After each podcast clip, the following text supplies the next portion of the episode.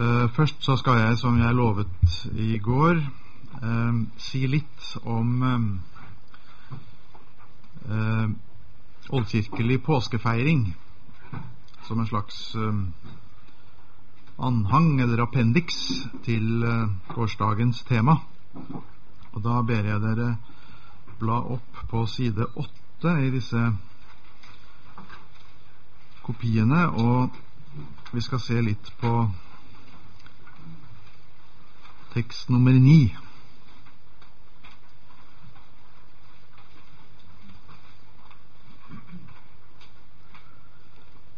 Det er en uh, tekst uh, hentet fra Eusebius' kirkehistorie. Og på dette punkt i sin kirkehistorie så siterer Eusebius et brev skrevet av biskop Polykrates i Efesus til biskop Viktor i Roma. Og vi er sånn ca. 190 Det blir 150, er det ikke det? Um, etter Kristus. Og dette brev fra Polykrates av Efesus er interessant på mange måter.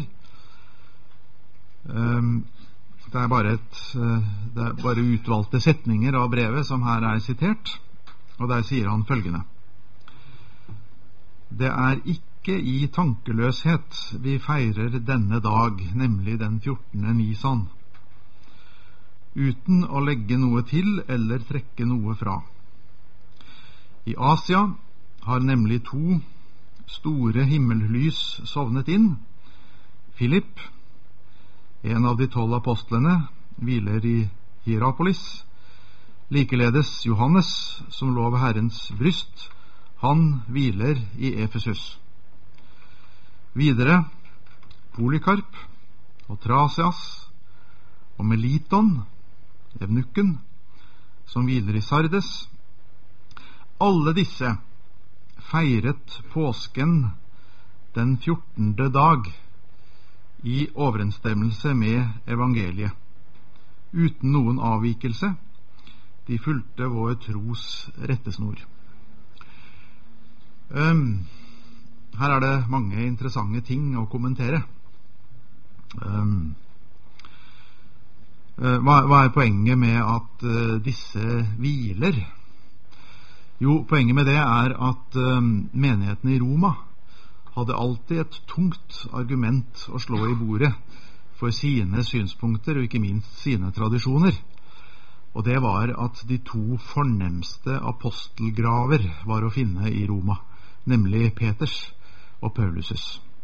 Og det var jo romamenighetens virkelig store trumfkort ofte i diskusjoner og debatter i Oldkirken. Altså, hvem er dere til å debattere med oss? Vi som har apostelen Peters og apostelen Paulus' grav hos oss. Eh, hvem kan være grunnlagt av fornemmere apostler enn de? Og vi viderefører naturligvis tradisjon fra de som var her og grunnla oss, nemlig Peter og Paulus. Og da svarer de i Lilleasia, ja, hva svarer de da? Ja, vi har ganske bra graver, vi òg. Kom ikke her. Philip og Johannes. Og så nevner han faktisk syv eh, i alt. Syv graver har vi hos oss. Og det, det er ikke dårlig. Og jeg, den åttende, er den mest uverdige av dem alle, sier, sier Polykrates, men, men jeg taler på vegne av dem jeg fører videre deres tradisjon, og så kaller han dem mine syngeneis. Ja, hva betyr det? Eh, det kan bety noe ganske oppsiktsvekkende.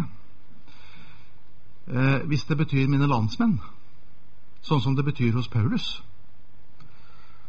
Paulus bruker det ordet i, i Romerne 9 når han sier at jeg skulle ønske at jeg selv var forbannet bort fra Kristus dersom det kunne bli til frelse for mine syngeneis, mine jødiske landsmenn. Og hvis det betyr landsmenn hos Polykrates, så må det bety at blant disse landsmenn så finner vi Philip og Johannes. Eller med andre ord, da er de jødekristne, alle disse. Da var Polykrates selv jødekristen, og da var f.eks. Meliton jødekristen. Da var han en jødisk landsmann av Polykrates. Um, dette peker uh, Alistair Stuart Sykes på uh, i et par publikasjoner, og trekker ganske store konsekvenser av det. Jeg nevner det bare fordi jeg for tiden arbeider med et stort prosjekt om de jødekristnes historie i Oldkirken. Og Det kunne jo da i så fall bety at Polikarp Polykarp var jødekristen, Meliton var jødekristen. Og det er i det minste interessant, hvis det er riktig. og det jeg har slitt atskillig med å, å, bestemme selv for om jeg tror på det eller ikke. Men det er en ikke unaturlig eksegese av det som Polykrates her sier. Absolutt ikke.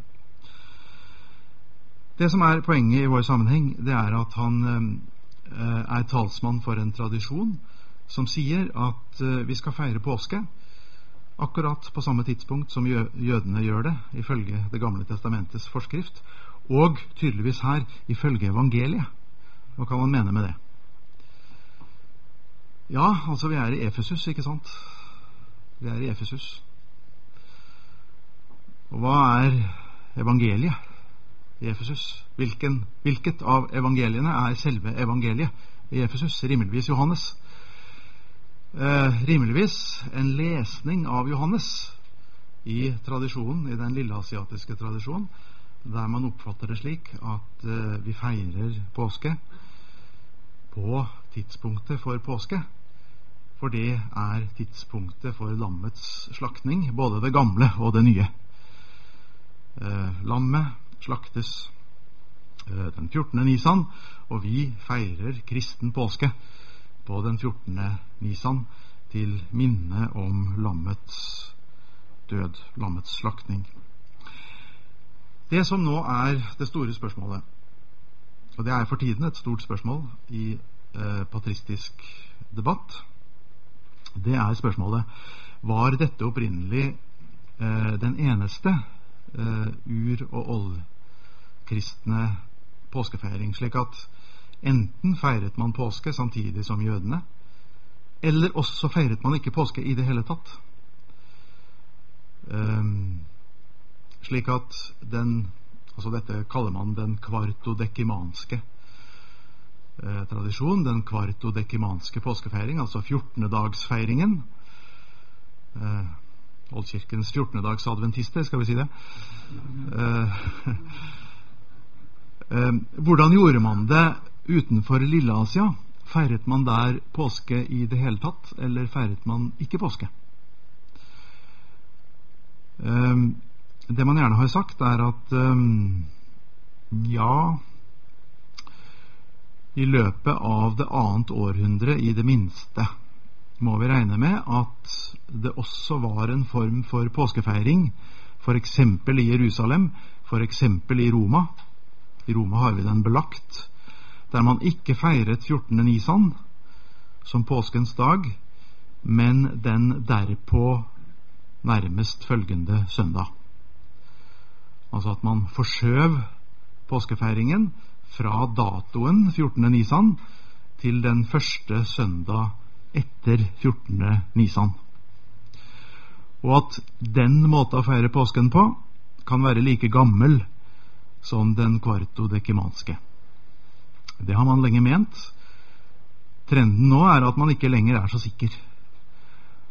Og kanskje snarere tenker at enten har man feiret påske den 14. nisan, eller kanskje også ikke i det hele tatt. Slik at den senere dokumenterte feiring av påske på nærmest derpå følgende søndag er en måte å ta etter den kvartodekimanske påskefeiring, men altså man holder fast på søndagen som den skal vi si prioriterte tidspunkt som det eneste naturlige tidspunkt å feire Jesu oppstandelse på. Det at man feirer Jesu oppstandelse på søndag, er nå så etablert at skal man ha en særskilt markering av påsken som termin, så er det fortsatt søndagen man holder fast på, også fordi man eh, tenker at vi kan ikke feire kristen påske uten samtidig å markere Jesu oppstandelse som det sentrale også i den kristne påskes innhold, og dermed så fastholder vi søndagen. Um, det er antagelig et synspunkt som har ganske gode argumenter for seg.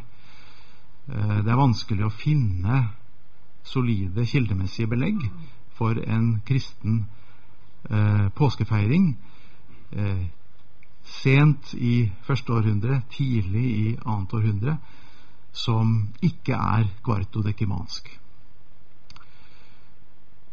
Um, det kunne være eh, mye mer å si om dette. Eh, det man kan si som en generell trend, det er jo at eh, det var å feire påsken på nærmest følgende søndag som ble det seirende standpunkt.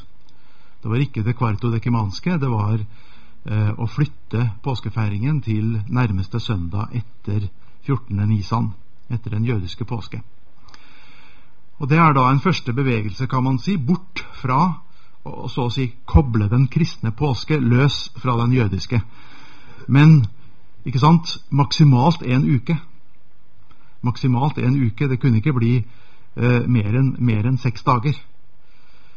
Eh, diskrepans mellom jødisk og kristen påske. Det som senere skjer, men da er vi over i det fjerde århundret, det er at man kobler ytterligere løs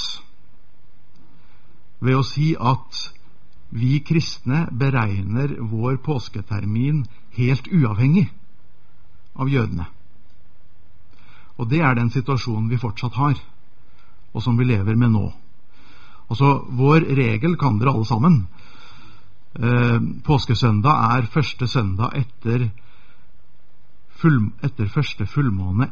Og så kommer et viktig tredje kriterium etter vårjevndøgn. Etter vårsolverv. Og den siste, den skiller kristen beregning fra jødisk for jødene har ingen tilsvarende regel. Og Dette var man oppmerksom på i Nikea i 325, eh, da man vedtok denne regel. Man må klar over at nå skiller vi lag med jødene. For jødene kan under omstende eh, feire sin påske før vår hjemdøgn. Eh, så der har man andre skritt i retning av å koble den kristne påsketermin fri fra den jødiske. Ehm, og det var et meget bevisst skritt. Det var ikke hele Kirken som fulgte det. Kirkene i øst fulgte det stort sett ikke. De fortsatte å innrette sin påskefeiring etter jødenes beregning av hva som nå egentlig var påsketerminen. Ehm, og det ble da dømt som judaisering. Feire med jødene eh, etter 325. Det, det, det vedvarte ganske lenge. Og saken er jo at hvis man ser Kirken i et globalt perspektiv og regner med alle de mindre østlige kirker, eh, så er det til dags dato eh, ingen ensartet praksis på dette området. I antikken var det ekstra vanskelig, fordi altså, astronomien var ikke så høyt utviklet som den er nå, så ingen kunne med sikkerhet si hva som var sant vårjevndøgn. Det er det i grunnen først i, i relativt moderne tid at vi kan. Så man var henvist til å datofeste vårhjemdøgn for at alle skulle være enige om når det var. Eh, og man var ikke enige om hvordan man skulle datofeste det. Eh, et tilleggsproblem var at jødene var avhengig av å observere nymånen. Så i overskyet vær så kunne simpelthen det å få øye på nymånen bestemme når en måned begynte å løpe. Du, du kunne ikke utrope en ny måned før noen hadde sett nymånen. Um, og når man tenker på datidens kommunikasjoner, for eksempel, så var det da å transportere uh, datoen for, for uh, at man hadde sett nymånen i Jerusalem, til fjerne steder i diasporaen, var i praksis naturligvis umulig. Så, så, i praksis var det variasjon her, lokale variasjoner. og det er jo noe som kloke kirkefedre sier til de som er veldig nidkjære på at nå må vi gjøre det likt overalt i kirken til samme tid, så sier de at ja, men hør her, det har aldri vært likt. Og hvordan kan dere pålegge andre menigheter andre steder et sånt krav? At de skal feire samtidig med dere? Um, ja, dette er en eh, interessant debatt uh, i Ålkirken som også har en viss økumenisk relevans, som dere vet, nettopp i våre dager, hvor det gjøres nye forsøk på å komme fram til en eh, felles uh, påsketermin for absolutt alle konfesjoner i kristenheten. Det var nær ved å skulle lykkes ganske nylig, men så vidt jeg vet, så glapp det. Uh, men da hadde noen kloke hoder funnet ut at hvis vi, hvis vi ble enige om sant astronomisk vårjevndøgn, så er fordelen med det at da vinner ingen. Da må alle kirkesamfunn justere sine kalendere noe. Uh, og det er jo det geniale med en sånn løsning, at uh, hvis ingen vinner, så er det en mulighet for at, at man kan bli enig. Så det var nær ved å, å, lykkes, men så vidt jeg vet, så glapp det allikevel. Um, dette sier oss noe om hvor viktig søndagen var i, i, i Ålkirken, i den tidlige kristendommen. Altså, søndagen var på sett og vis den termin eller den syklus som vant, eh, også i forhold til påskefeiringen. Eh, det må vel også eh, si oss noe om at fra veldig tidlig så har på sett og vis altså den ukentlige søndag av kristne blitt betraktet som den nye påsken. Eh, I den grad at, eh, at den jødiske påsken etter hvert, etter hvert ble trengt til side, simpelthen av søndagen. Ja, så over på dagens tema, eukaristiens elementer. Og La meg da, eh, helt til å begynne med, eh, si litt om hva jeg mener her med elementer. Eh, naturligvis tenker jeg på det vi er vant til å tenke på som nattverdens elementer, brød og vin, men jeg bruker elementer i en litt mer omfattende betydning. Slik at eh, jeg kommer til å snakke om det man kunne kalle nattverdens eh, bestanddeler, eller komponenter. Det hele nattværhandlingen består av. Og da består den jo foruten av elementene brød og vin også av tydeord. Tydeord. Dette er. Den består av bønn, evkjaristibønnen eller evkjaristibønnene. Og så er spørsmålet har den kristne nattværen noen haggadah, noen fortelling.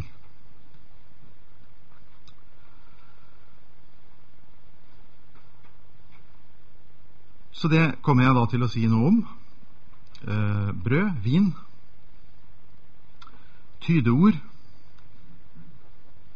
evkjerestibønn og Haggadah? spørsmålstegn.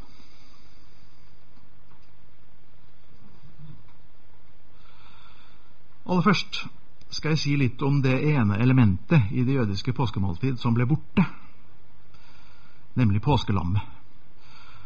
Og Påskelammet er jo på mange måter den store gåten i forhold til Jesu innstiftelse av nattverden og tiden fram til 70, da påskelammet ble borte fra det jødiske påskemåltid.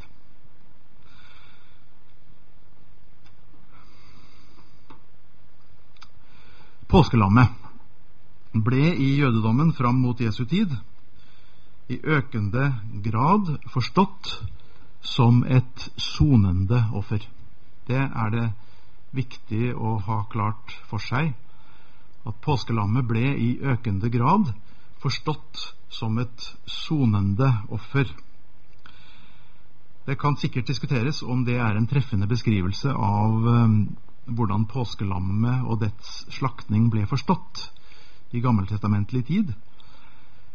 Uh, det skal jeg ikke gå inn på, men at det i tidsrommet fram mot Jesu tid i økende grad ble så å si trukket over i sonofferets kategori Det tror jeg det kan leveres ganske gode argumenter for.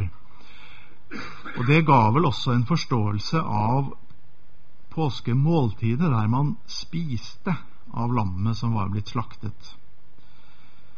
I retning av at eh, påskelammet forstås som et eh, kommunionsoffer, altså, et, altså den offertype der man spiser av det som ofres i et påfølgende måltid.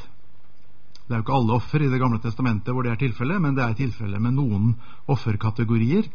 At eh, det slaktede dyr etter ofringen spises av et, en, et bordfellesskap av de som har båret dette frem som offer. Og at påskemåltidet med lammet eh, som del av maten eh, har vært forstått som et slikt eh, offermåltid. Um,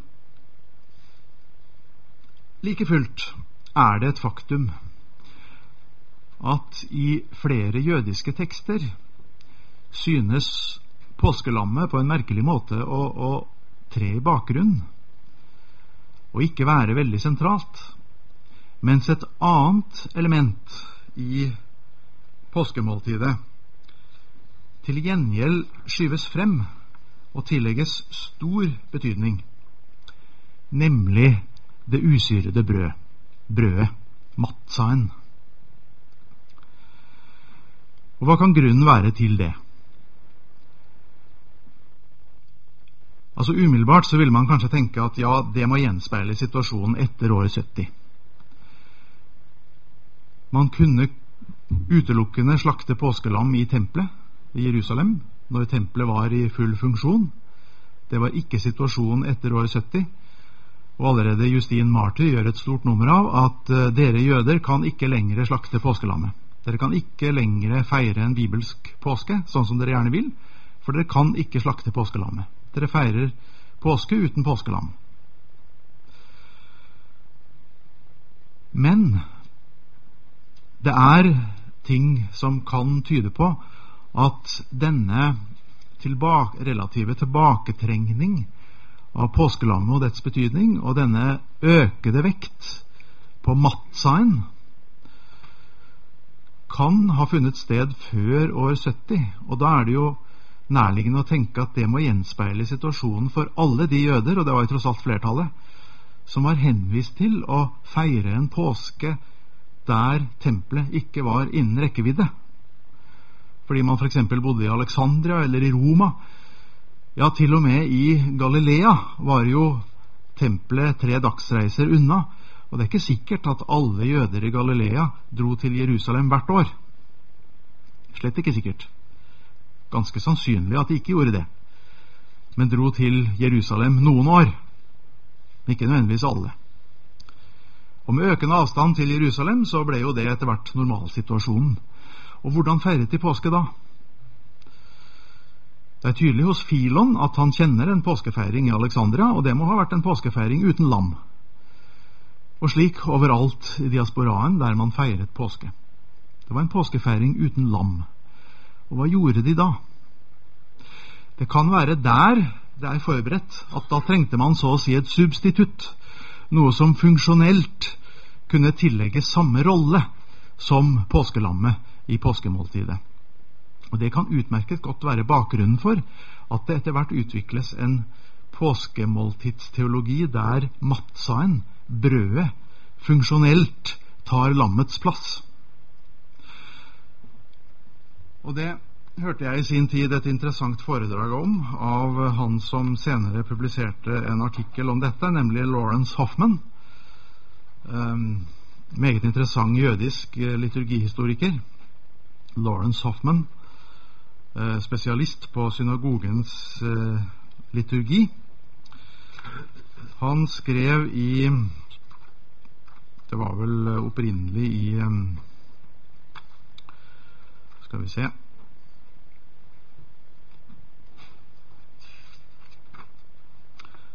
eh, Jeg henviser til en bok som heter Passover and Easter.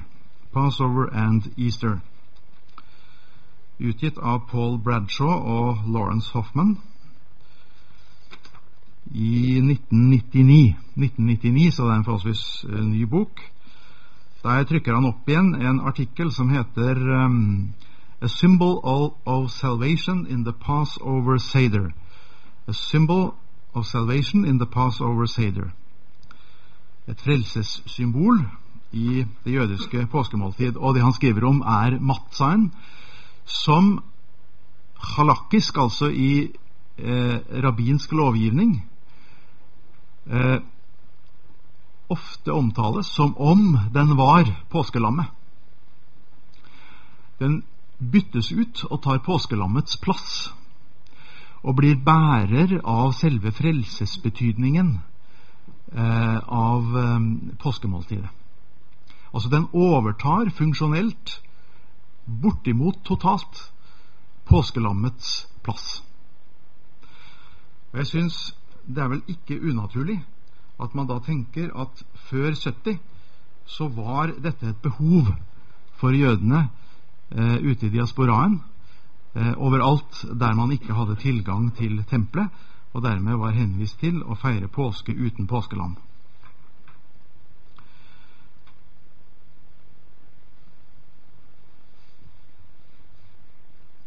Jesus hadde jo sin oppvekst i Galilea.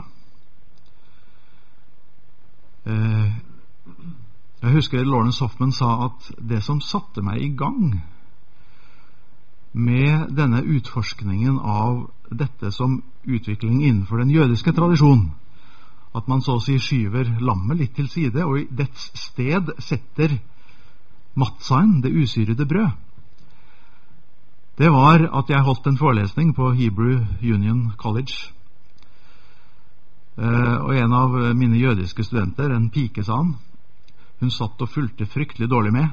Jeg kunne så at hun bortimot sov. Og så siterer jeg fra evangeliene, hvor Jesus eh, holder brødet i sin hånd, og så sier han This is my body. Plutselig så skvetter hun opp og blir lys våken, og så spør hun How could he say a thing like that? How could he say that? Det satte meg i gang, sa Lawrence Hoffman, på, en, eh, på et forskningsprosjekt som førte meg til for meg uventede resultater, nemlig at dette var forberedt i den jødiske tradisjonen. Dette var ikke så påfallende som man kunne tro, for jødene var allerede vant til at mattsaen, brødet, er vel så viktig som lammet. Dette er forberedt i jødisk tradisjon, at brødet så å si tar lammets plass. Til brødet var det altså knyttet, eller er det fortsatt knyttet, i Hagadaen et um, tydeord. Og det har dere da gjengitt på, på første side i disse kopiene mine. Dette er trengselens brød. Dette er trengselens brød. Um, og Det sies da på aramaisk Ha lachma anja. Um, Nå trenger jeg litt uh, hjelp av Karsten her. Ha er vel da funksjonelt det samme som zæ på, på, på hebraisk. Altså et pekeord. Dette trengselens brød. Um, og i um, et sånt tydeord Her kan man begynne å Her, gir det grunnlag, tenker jeg, for, for mange interessante overveielser. Um, om man nå først tar dette ordet til sin enkle pålydende Dette trengselens brød. Eh, hvordan ville dere beskrive forholdet mellom det brød som da husfaren står med i sin hånd, og det brød som israelittene spiste i sin første påske under Exodus? Eh, hvordan skulle man beskrive forholdet mellom de to ting? Um, altså Jeg skal ikke bli dogmatiker her nå og, stille veldig tunge dogmatiske spørsmål, men, men uh, interessant å overveie, ikke sant? Uh, jeg tenker at det ville være lite treffende å si at det brødet husfaren står med i sin hånd, er et uh, symbol på brødet de spiste under Exodus. Der syns jeg jo Luther har et godt argument med at man spiser ikke symboler. De, de, gjør man alt mulig annet med, men man spiser dem ikke. Men altså, hvordan skulle man beskrive dette forholdet? Men hvis nå brødet i tillegg funksjonelt tar påskelammets plass og fungerer som påskelammet, hvordan skulle du da beskrive forholdet mellom brødet og påskelammet? Eh, også et interessant spørsmål, eh, tenker jeg. Um, anyway, så er det jo da eh, ikke vanskelig å tenke seg at um, hvis man forsto det slik at uh, det usyrede brød i nattværmåltidet funksjonelt er påskelammet, er Jesu ofrede kropp, så er det veldig vanskelig å tenke seg at man i noen form for kristen påskefeiring etter denne tid skulle operere med, altså skulle slakte et lam. Det er veldig lett å forstå. Det gjorde flertallet av jøder ikke i utgangspunktet. De var i diasporaen, de slaktet aldri noe lam. Du måtte være i Jerusalem for å gjøre det. Eh, at påskelammet ble borte fra eventuell kristen påskefeiring lenge før 70, er veldig lett å forstå. Vi får aldri svaret på om det lå et påskelam på bordet da Jesus innstiftet nattverden. Eh, det, det, kan man argumentere frem og tilbake, og, og det fins vel ikke noe svar på det. Men at det i all senere kristen påskefeiring ikke gjorde det, føler jeg meg ganske sikker på. Og det var altså forberedt i, i jødisk tradisjon og jødisk forståelse.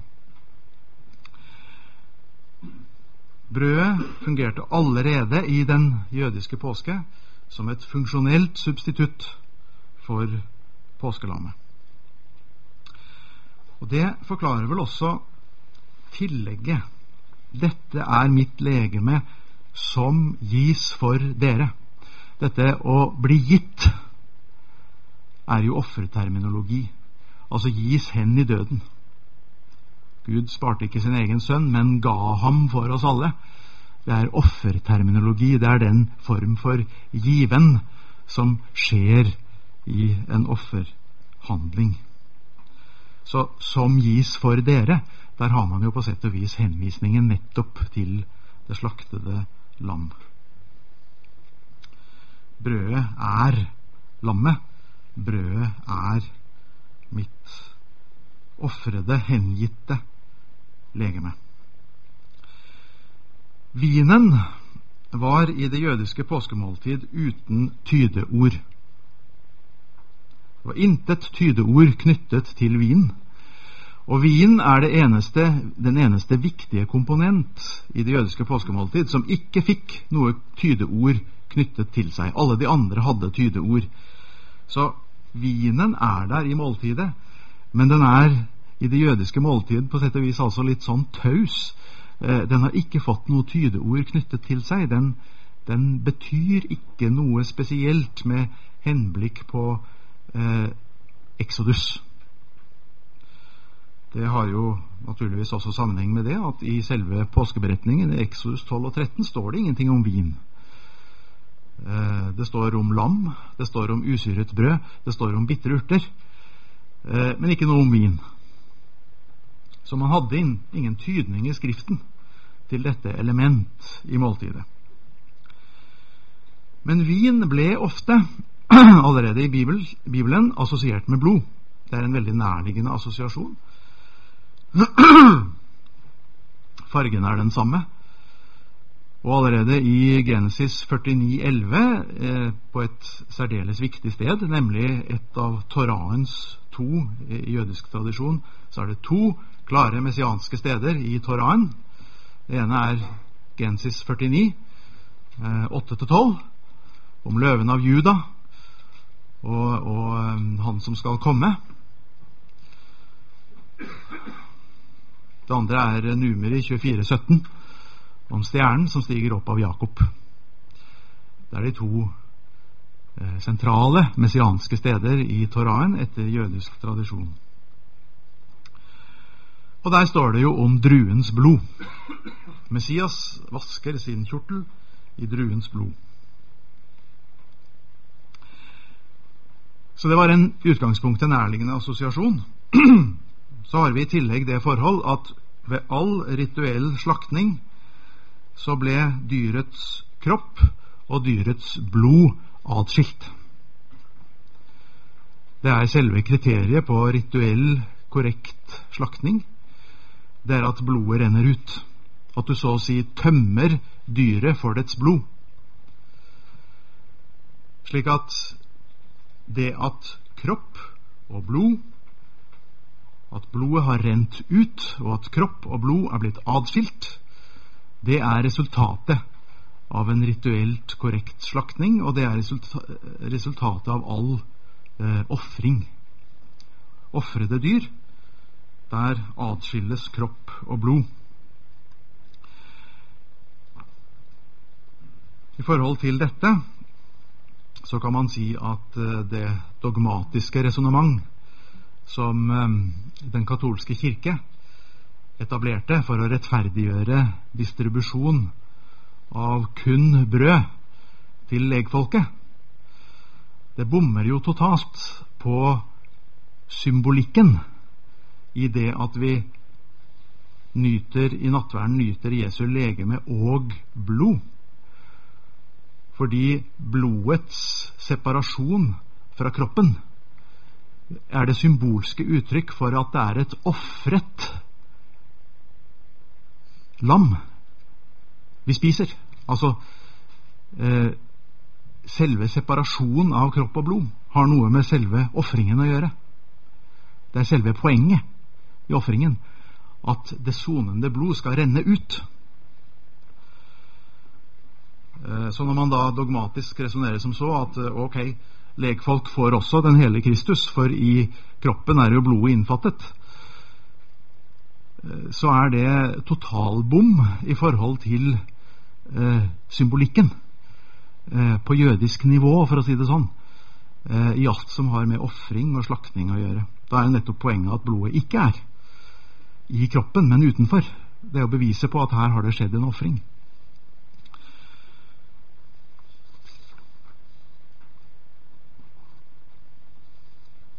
Eh, bare en sånn sidetanke. Dette med å drikke blod. Det er i jødisk sammenheng utvilsomt, må man si, en hård tanke. Altså, den har et element av anstøt ved seg. Og det ser vi jo på det at uh, de fleste steder i Nytestamentet hvor det er tale om å nyte nattverdens vin, så unngår man rent språklig direkte å si at man drikker blodet. Det er kun ett sted hvor det er direkte sagt, sånn eh, expressis verbis in so many words, og det er Johannes 6. Men der sier Jesus det. Dersom dere ikke spiser mitt legeme og drikker mitt blod, har dere ikke liv i dere. Eh, men det er vel det eneste sted hvor det er direkte uttalt.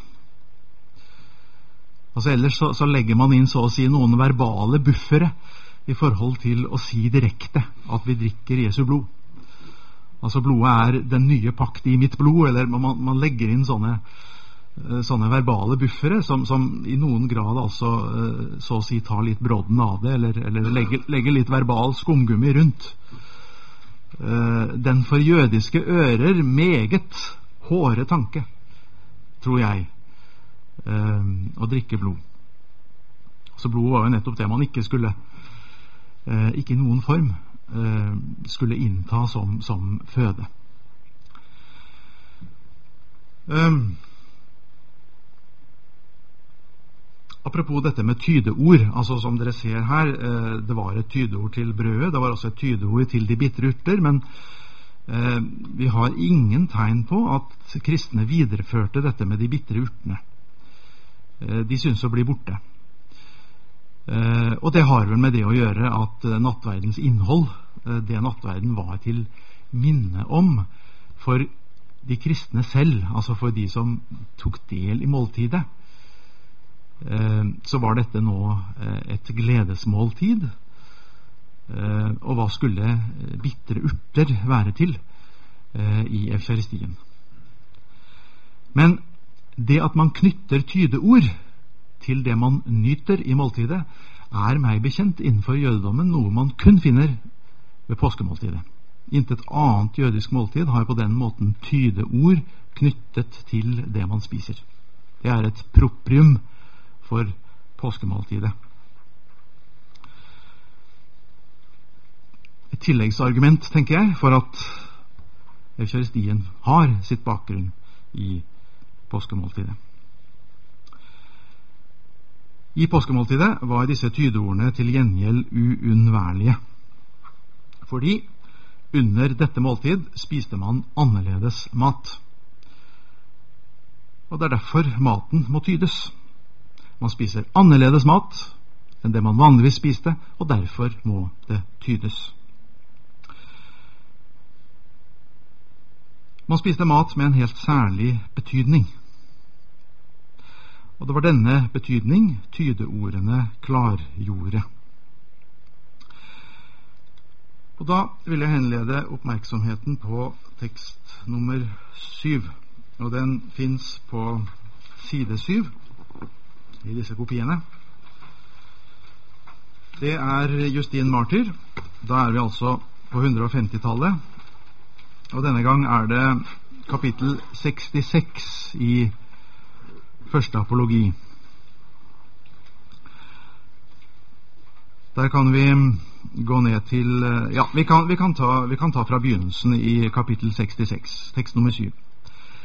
Denne føde kalles hos oss eukaristi. Og den er det ikke tillatt noen annen å få del i enn den som tror at det som læres av oss, er sant, og som har renset seg ved badet til syndenes forlatelse og til gjenfødelse, og som lever således som Kristus har overleveret. Altså, den som tror, er døpt og er opplært og, slik, og lever slik Jesus har lært oss. For vi mottar ikke dette som et alminnelig brød eller som en alminnelig drikk. Men på samme måte som Jesus Kristus, vår frelser, da han ved Guds ord ble inkarnert, både fikk kjøtt og blod for vår frelses skyld. Således er vi blitt belært om at den føde der er blevet takket for i en bønn Vi kommer tilbake til det. Formuleret med ord der er fra ham, og som ved en forvandling nærer vårt blod og kjød at den, altså føden, er hin inkarnerede Jesu kjøtt og blod. Det som det slik er blitt holdt takkebønn over, det, den føden, er Jesu legeme og blod. For apostlene har overleveret de opptegnelser der er blevet til ved dem, som kalles evangelier, her har de overlevert at det er blevet befalet dem således at Jesus tok et brød, takket og sa, Gjør dette til erindring om meg, dette er mitt legeme. Og at han på lignende måte tok begeret og takket og sa, Dette er mitt blod. Og at han alene ga dem Altså her kommer igjen denne restriksjonen på at det gis bare til de troende. Del i det. Um, her uh, er det jo tydelig at um, Justin anser tydeord nødvendige for å peke på at dette er ikke vanlig mat, dette er høyst usedvanlig mat. Og det tydeordene sier, det er at når man har bedt evkjaristibønnen over disse elementer, så er de det tydeordene sier at de er, Jesu legeme og blod. Det er nøyaktig hva Justin Martyr sier. Han gir oss jo ingen teori. Eh, spør du var han tilhenger av transsubstansiasjonstanken eller konsubstansiasjonstanken, eller hvordan tenkte han dette her, så gir han oss intet svar på det. Men det er ingen tvil om han tar tydeordene til pålydende. De betyr akkurat det de betyr. Eh, for oss er dette Jesu legeme og blod. Om han tenkte skal vi si, ontologisk, om han tenkte funksjonelt, det, det er ikke så lett å si. Han tenker akkurat det han sier. Han tar akkurat ordene så enkle som de er, og sier verken mer eller mindre. Um, I en slags umiddelbar kontinuitet, tenker jeg, med slik man tenkte i den jødiske bakgrunn. Dette er trengselens brød. Ja, det er det. Um, og dette er et brød som så å si tar lammets plass. Som for oss er lammet. Um, nå er jeg kommet til Nå er vi 150 etter Kristus. Vi er tidlig. Um, om vi går videre oppover i um, oddkirkelig litteratur, så finner vi at um, eukaristibønnens funksjon i forhold til og skal vi si konstituere brødet og vinen som Jesu legeme og blod, den presiseres etter hvert i retning av at eukaristibønnen ber Den hellige ånd ned over elementene, og ved dette åndens nærvær konstitueres de som Jesu legeme og blod. Og Det er den forståelse vi i dag finner klarest bevart og uttalt i den ortodokse østkirkelige tradisjon, der jo epiklesen, påkallelsen av Den hellige ånd, anses å være så å si det konsekrerende moment, eh, der eh, elementene konstitueres ved Åndens kommen over dem som Jesu legeme og blod. Da er vi over på det neste elementet i eukaristien. Um, da er det eukaristibønnen som er um, vårt tema. Vi står da overfor det element i nattværhandlingen som har gitt den navn.